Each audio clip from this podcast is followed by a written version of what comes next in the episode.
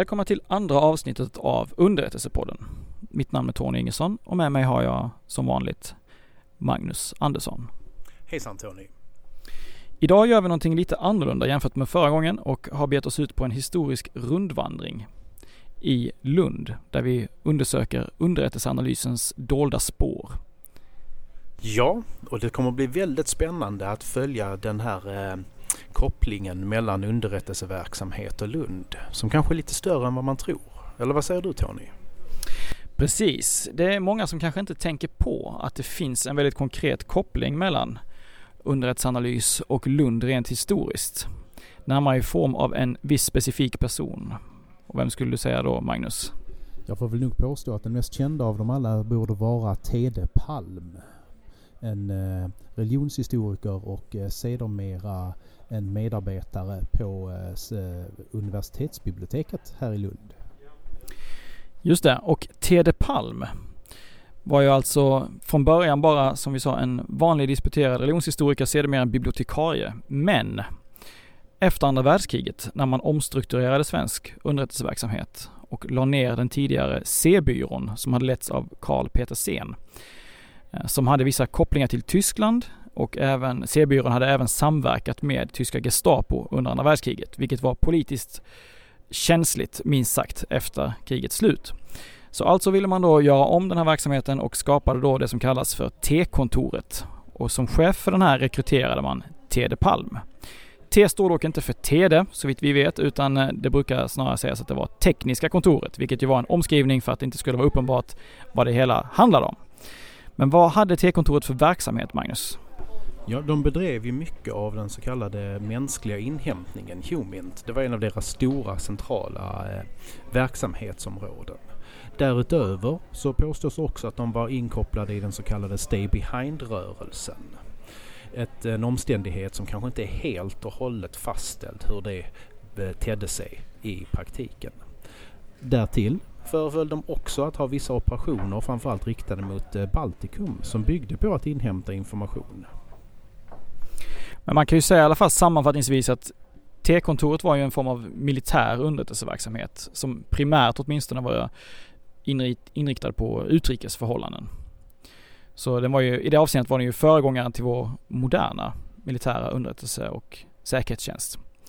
Eh, men T-kontoret gick ju dock igenom en del andra utvecklingar också innan dess. Eh, och framförallt så, det mest kända är väl sammanslagningen med det som kallas för B-kontoret som hade inrikes säkerhetstjänst och leddes av Birger Elmer. Och det var ju senare då T-kontoret och B-kontoret som efter sammanslagningen blev till IB som är ja, lätt uttryckt ökänt eh, även idag faktiskt. Vad skulle du ha tillägga där Magnus? Ja, historien om IB den eh, är ju en eh, klassisk historia i svensk underrättelsehistoria helt enkelt. Eh, men vid den tidpunkten hade ju Tede Palm lämnat det det blir ju Birger Elmer som tar över efter Tede Palm och Tede Palm kommer att manövreras ut då han efter många år på tjänsten som chef för T-kontoret ansågs vara lite obekväm till slut också. Precis och eh, då är vi ju inne historiskt sett ungefär 1965 har jag för mig. När eh, IB bildas eh, och Tede Palm utmanövreras så att säga. Men då hade han ju varit chef från det att T-kontoret bildades, så vi pratar någonstans 1947-1948 lite beroende på hur man definierade och fram till 1965. Så han hann ju göra ett rejält avtryck och man brukar säga att T-kontoret var Tede Palms livsverk. Så han lade ju i någon mån grunden för eh, den moderna svenska utrikesunderrättelsetjänsten. Ja, det får man verkligen säga. Han var ju också en föregångare vad det gällde samverkan med andra utrikesunderrättelsetjänster. Och kanske en av de mest kända typerna av samverkan han bedrev, det var de så kallade trekantsmötena mellan den danska, den norska och den svenska underrättelsetjänsten. Som bedrevs i lite olika lägenheter lite här och var. Bland annat här för mig att Göteborg var en av städerna som de brukade träffas i. Och eh, det fanns ju även då, som det har framkommit senare, eh, en del samverkan med eh, USA som växte fram eh, och som var den var väl i någon mån känd men den var inte, dokument som bevisade det här eh, var väl rätt sällsynta. Det var ju så sent som faktiskt Snowdens eh, stora dokumentsläpp så att säga, som, som ledde till att det kom fram nya, ny information om just den här typen av samarbete. Det, det stämmer. Om jag inte jag missminner mig också så förhöll det sig på detta sättet. Eh, jag har också för mig att Teddy Palm hade någon form av kontakt med, kan han ha hetat William Colby? En av de tidiga CIA-medarbetarna eh, och jag tror han var någon form av chef också på CIA. Men jag minns inte vilken, eh, vilken ställning han hade.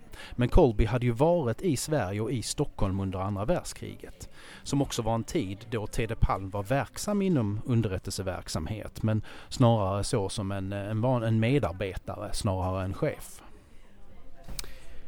Ja, och med det så tror jag vi rundar av här på teologen och sen så beger vi oss helt enkelt vidare till Tede Palms nästa verksamhetsplats som var universitetsbiblioteket.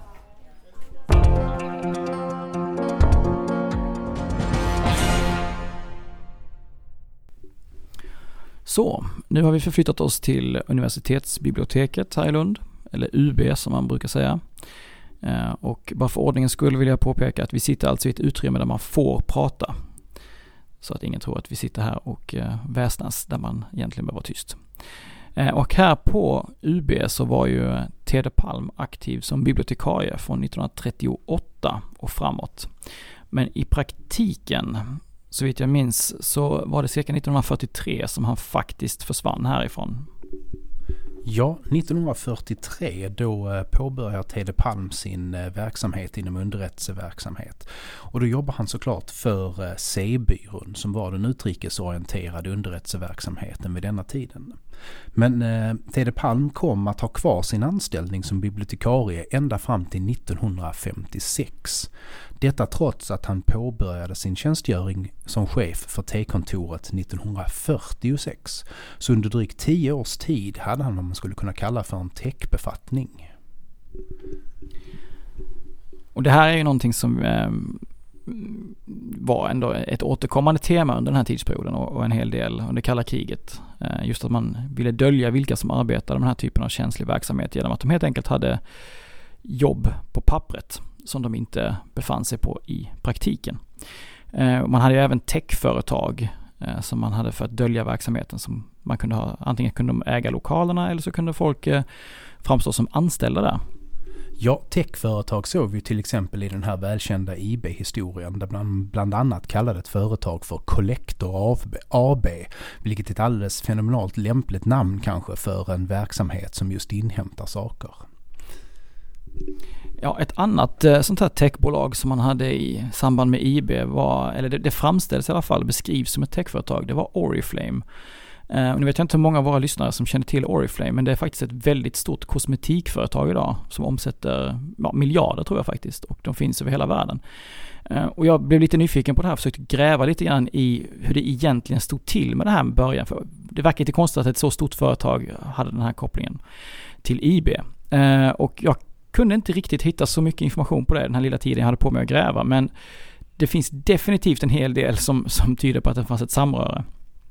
Och den närmsta, kanske den mest trovärdiga förklaringen jag hittat är att eh, chefen för IB, eh, Birger Elmer, personligen kände grundarna av Oriflame och att det, var så det hela gick till. Men de hade i alla fall samma adress ett tag på Grevgatan 24 i Stockholm. Eh, men Oriflame har ju sedan gått vidare till att bli en, en, helt annan typ av verksamhet som så vitt jag vet inte har några kopplingar till underrättelsevärlden idag. Ja, vi har ju kommit in ganska mycket på det här med IB också. Det finns ju en, eh, en likhet som man kanske ska ta mellan just IB, Birger Elmer, Tede Palm och till och med J. Edgar Hoover. Kopplingen mellan de här tre skulle kunna tänkas vara just deras relation till register. Tede Palm som bibliotekarie var väldigt duktig på informationshantering och att hitta och skapa register. Eh, J. Edgar Hoover, han skapade ett biblioteksregistret för Library of Congress bland annat innan han blev chef för FBI. Och Birger Elmer själv, han arbetade ju med eh, att registrera handlingar i, och arkivera dem som en del i den militära underrättelsetjänsten innan han trädde fram i rampljuset.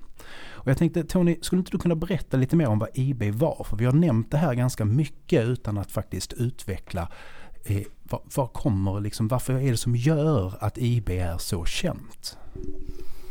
Ja, det som framför allt gjorde IB känt var ju det här avslöjandet eh, av Jan Guillou och Peter Bratt 1973 i tidningen Folket i Bild Kulturfront. Eh, och då var det ju stora rubriker om att eh, man hade avslöjat en tidigare okänd underrättelseverksamhet i Sverige för att IB var inte allmänt känt och det var väldigt hemligt att den här överhuvudtaget existerade. Eh, och det som framförallt var känsligt med IB, eh, till skillnad från då tidigare T-kontoret, eh, det var att IB ägnade sig åt att registrera eh, framförallt vänstersympatisörer och medlemmar av olika mer radikala grupper i Sverige. Eh, och den här registreringen bedrevs i väldigt stor skala, så det var väldigt många som registrerades. Eh, det fanns även en koppling till Socialdemokratiska partiet genom att Birger Elmer var en aktiv socialdemokrat.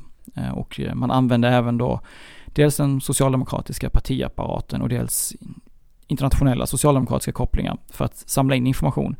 Eh, men man använde även fackföreningsrörelsen i viss mån och infiltrerade den för att få ytterligare information om misstänkta kommunister och andra personer med sympatier som låg vänster om Socialdemokraterna.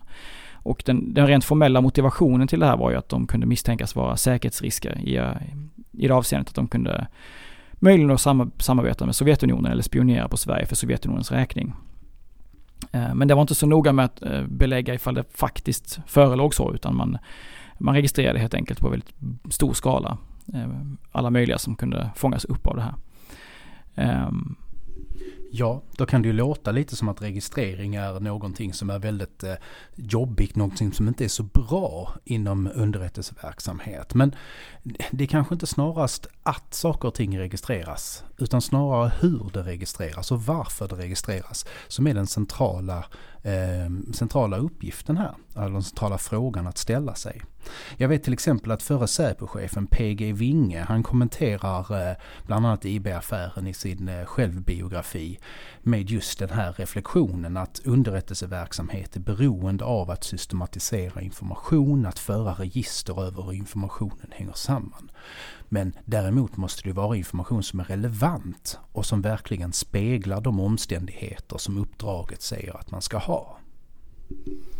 Och så måste det också finnas ett visst skydd för den enskilde som registreras. Och eh, till det har man ju då en lagstiftning som dels syftar till att reglera vad man får och inte får göra. Och dels har man ju också eh, i moderna demokratiska stater så har man ju regelverk för insyn som gör att vissa specifika personer som inte är anställda eller ingår i underrättelseverksamheten utan snarare är då politiskt tillsatta ska kunna ha en inblick i vad den här organisationen har för sig och då kunna ingripa ifall det hela börjar gå överstyr. Eh, och ett sånt här problem med just IB var att eh, man hade ju lagstiftning men att IB helt enkelt inte brydde sig om den och det fanns ingen som hade direkt insyn och kunde reglera det här. Eh, och därför så utvecklade det sig självt i den riktningen som det gjorde. Ja, man kan ju säga att eh, oftast är det så att något ont för något, även något gott med sig. Och hela IB-affären var kanske den stora anledningen till att man i Sverige idag har en omfattande insyn och kontroll av underrättelseverksamhet. Och det stora bidraget till, till utvecklingen av det demokratiska systemet och användning av underrättelseverksamhet i det i Sverige var just IB-affären. Och eftersom vi ändå redan varit inne på det här med, med J. Edgar Hoover så kan man ju ta upp att, eh, att även FBI hade ju liknande problem om man säger så. Fast under en egentligen ännu längre tid och i ännu större omfattning. Just att eh, Hoover själv samlade väldigt mycket makt kring sin egen person eh, och framförallt i form av sina egna register som han hade över massa kända personer, politiker, även filmstjärnor och alla möjliga. Eh, och utöver det så hade FBI också ett program som kallas för COINTEL Pro. Eh, vilket står för Counter Intelligence Program. Som, precis som i IB så riktades det till en början mot eh, kommunister, alltså det var mot amerikanska kommunistpartiet, som man då misstänkte skulle kunna ha samröre med Sovjetunionen. Men sen växte det här på samma sätt som IB och började omfatta massa andra saker. Och till en början så kom det att omfatta även Svarta pantrarna och det kommer att omfatta Ku Klux Klan. Um, vilket det kanske kan ha funnits någon rimlighet i, men sedan kom det där även då att inkludera medborgarrättsrörelsen och till exempel Martin Luther King och en del andra kända personer. Så det, det där gick också, eh, kan man nog lugnt säga, överstyr. Ända fram tills det avslöjades, precis som med, med IB, även då eh, under 70-talet så blev det en stor process kring det här i USA, vilket ledde fram till stärkt lagstiftning och eh, ett stärkt regelverk för insyn helt enkelt.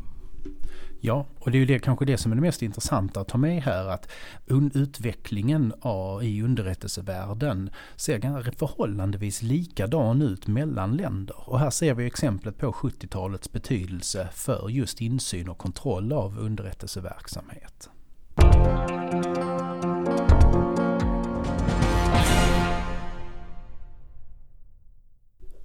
Vi har letat upp en eh, bibliotekarie här på UB för att ställa lite frågor om Tede Palm och få en eh, bibliotekaries perspektiv på det hela. Eh, du kan väl presentera dig till att börja med bara. Jag heter Ludvig Holmdahl och så har jag jobbat på UB i ungefär tio år och sedan innan jobbat på Campus Helsingborgs bibliotek i ungefär tio år och jobbat lite på olika institutionsbibliotek i Lund också och eh, jobbar främst med eh, insortering av efemärt material och eh, lite i lånedisken och eh, service åt låntagare. Tack. Eh, vi vill just fråga dig till att börja med om du känner till vem Tede Palm var? Nej, faktiskt. Det var ett vagt, eh, vagt igenkännande men inte så mycket mer måste jag säga. Ja, Tede Palm var ju disputerad religionshistoriker här i Lund och eh, arbetade här på UB som bibliotekarie 1938 och framåt. Eh, I praktiken så försvann han härifrån 1943 när han eh, blev inkallad och sedan blev han chef för svensk underrättelsetjänst fram till 1965. Så det vi undrar är ju, hur ser du som bibliotekarie på det här? Vad tror du att en bibliotekarie kan tillföra i ett underrättelsesammanhang? Alltså jag tror eh, det, att det finns en gren inom biblioteks och informationsvetenskapen sen förr som var liksom rätt, rätt inriktad på informationsvetenskap. Och då var det ju den här informatikerrollen mer, att man kunde slå upp saker i databaser och sånt som var populär på slutet av 90-talet, början av 00-talet. Men innan dess så var det ju mycket att universitetsbibliotekarier var väldigt pålästa på samlingarna på universitetsbiblioteket och lite till. Många av det är ju det idag också men det ingår ju inte riktigt i arbetsuppgifterna att läsa på och läsa in sig på det viset. Så att för många så tror jag att man skulle kunna ha en sån eh, roll men inte för alla. Och eh, just att eh, eh, omvärldsbevakning och omvärldsanalys ja, är en del av arbetet men inte kanske riktigt på det viset. Du har, du har inte själv funderat på att göra en karriär inom svensk eh, underrättelsetjänst? Nej, inte nu.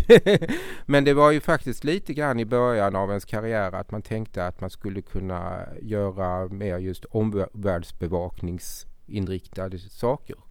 Att man kunde vara med i sådana här sammanhang som, eh, ja, eh, och det skulle kunna vara också sådana här saker på till exempel riksdagsbiblioteket finns det ju tjänster och arbeta mer i sådana sammanhang. Men inte just nu, nej. Okej, okay. men då är du åtminstone förberedd ifall, ifall de dyker upp och ställer frågan. Ja, eh. precis. ja. Okej, okay, tack så mycket.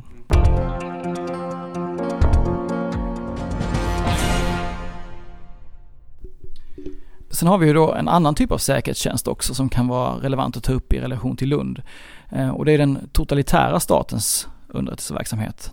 Eh, ett klassiskt exempel där som brukar tas upp är östtyska Stasi.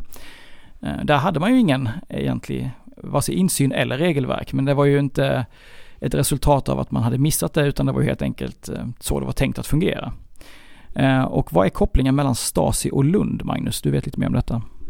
Ja, där finns ju en koppling mellan eh, Lund och Stasi som också har sin eh, fokuspunkt på just eh, teologen i Lund. I det här fallet så rör det då en, en man som var verksam vid teologen i Lund under 60 och 70-talet och där framöver. Som var en så kallad informell medarbetare för Stasi. Det hela tar sin början i Östtyskland när eh, mannen i fråga eh, utbildar sig till präst. Eh, enligt uppgift då från eh, tyska forskare här, eh, Müller-Engbergs, som har studerat det här fallet väldigt noga, så förefaller det som så att den här eh, informella medarbetaren med kodnamnet Thomas eh, gav uppgifter till Stati, Stasi Eh, som ledde till ett 20-tal människors eh, arrest och möjligtvis också deras, eh, att de blev helt enkelt avrättade. Det här medförde då att eh, kodnamnet Thomas fick eh, ja, tas bort ifrån Östtyskland. Man var tvungen att flytta honom helt enkelt för att hans kurskamrater inte skulle ge sig på honom. Och då hamnade han i Lund och eh, på teologen där. Liksom Tede Palm tidigare hade varit på teologen. Den, eh, den informella medarbetaren Thomas kom sedan under ett flertal år att lämna information till Stasi om just det eh, kyrkliga sammanhanget och motståndsgrupper mot DDR inom det eh, kyrkliga sammanhanget. Så där har vi alltså ytterligare ett exempel på kopplingar mellan Lund och den dolda underrättelsevärlden. Ja, eh, Eh, men det är ju inte den enda eh, exemplet på Stasi-aktivitet i Lund. Eh, det finns ytterligare exempel på detta. Eh, och det kanske mest framträdande där vi faktiskt inte riktigt vet vem eller, eh, eller varför. Men vi vet däremot när och var. Även om jag inte minns det exakta platsen och det exakta tillfället. Så är det nämligen så att Stasi, som den organisation den var, hade ju väldigt god administration över sina utgifter och så även dess kostnader för hotellrum.